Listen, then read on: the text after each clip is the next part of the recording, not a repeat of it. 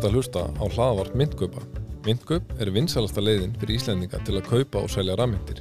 Myndgöp hefur verið starrækt frá því í mæ 2020. Myndgöp leggur áherslu á einfalleika, þægindi og fljóturni.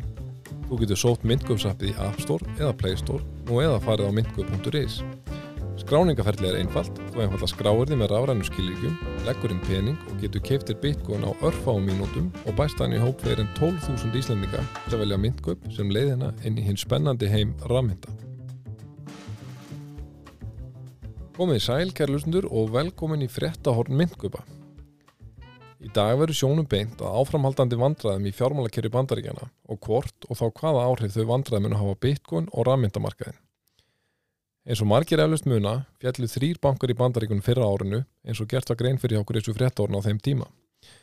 Bankina þessu sinni var First Republic Bank og ég verða að segja að mér þykir daldu undarlegt hversu lítið hefur fjallað um fjölmjölum samanbóru við til dæmis fall Silicon Valley Bank.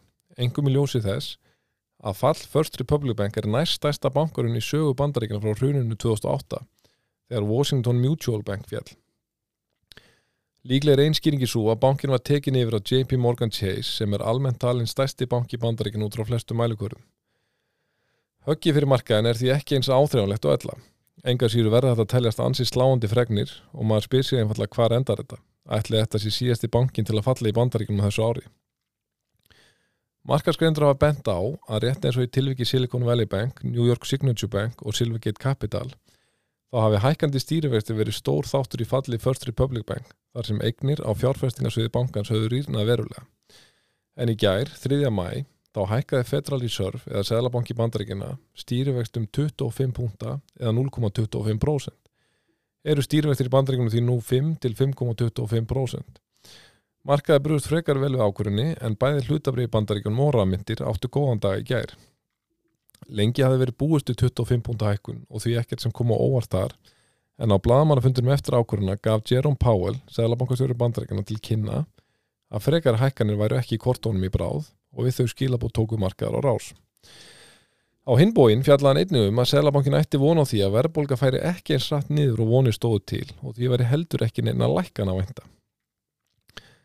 Markasastar eru því frekar tvíraðar að því leitnum til að meðan maður hefur ágjör af því að mögulega glými bankakerfi í bandaríkunum kerfislegan vanda og hagkerfi glýmið áframaldandi verðbólgu tekum maður því þó fagnandi að Sælabankin Vestana sé nú í fyrsta sinni langan tíma að gefa fjárfærstum jáka skilabóð með því að ekki séu frekari vakstaðekkanir framöndan. En af hverju skiptir þetta allt máli fyrir bitcoin og rammyndamarkaðin í helsinni? Rauði þráðurinn í þessu hlaðarpi hefur verið sá að sé mikilvægt að vera meðvitaður um að rammyndamarkaðin er ekki einangra fyrirbæri, heldur þau tölver fylgni við aðra eignamarkaði, ekki síst hlutabriðamarkaðin í bandaríkunum. Stýrivextir eru eitt af verkvarum seglabanka til að stýra peningamann í umferð og það gefur auðvitað auga leið eftir því sem meira magnir af peningum umferð og eftir því sem lánsfér ódýr og aðgengilegra að þar með líklegra eignamarkaði leiti upp á við. En það eru einnig aðra fréttir sem var fjallaðum í síðustu viku sem er verðt að nefni þessu samíki. Skuldir bandaríka ríkisins nema nú meirinn 30.000 miljórum dólara eða nála 32 trillion dollars og Janet Yellen, fjármálaráðara bandaríkjana, hefur tilkynnt fulltróðdelt bandaríkaþing sem er skriflugum hætti að ríkisjóðu bandaríkjana verði ógreðslufæri í júni hækki þingið ekki skuldathag ríkisins. Skuldathag bandaríka ríkisins er regluleg umræðin í bandarískri pólitík og virðist oft nota sem verkværi stjórnaranstöðunar hverju sinni til þess að ná fram pólitísku markmiðum og benda á órásíu sitjandi fórsett og ríkistjórnar. Telja verður ólíklegt að bandaríka ríki fari raunverulega í greiðsluþrótt þar sem ríki greiðir skuldir sínar í bandaríka dólarum.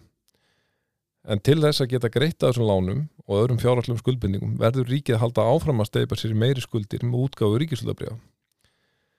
Sumir, eins og til dæmis Lina Olden, sem er mikilsmetinn markaskreinandi og bitcoin sérfræðingur, hafa bent á að fyrirhugðu útgáfa ríkisvöldabriða nú í sumar til þess að bregðast við yfirvondi greiðsluðsróti gæti minga peningamanni umferð umtalsverð ef almennir fjárfæstar kaupi mikið að þeim. Og þá er spurningin, hvernig ætlar Sælabankin að bregðast við því?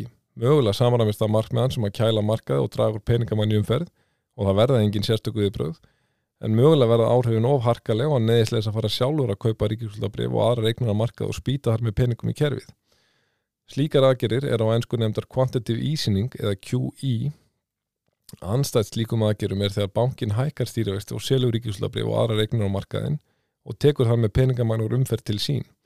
en þær aðgerir eru kallar Quantitative Tightening eða QT.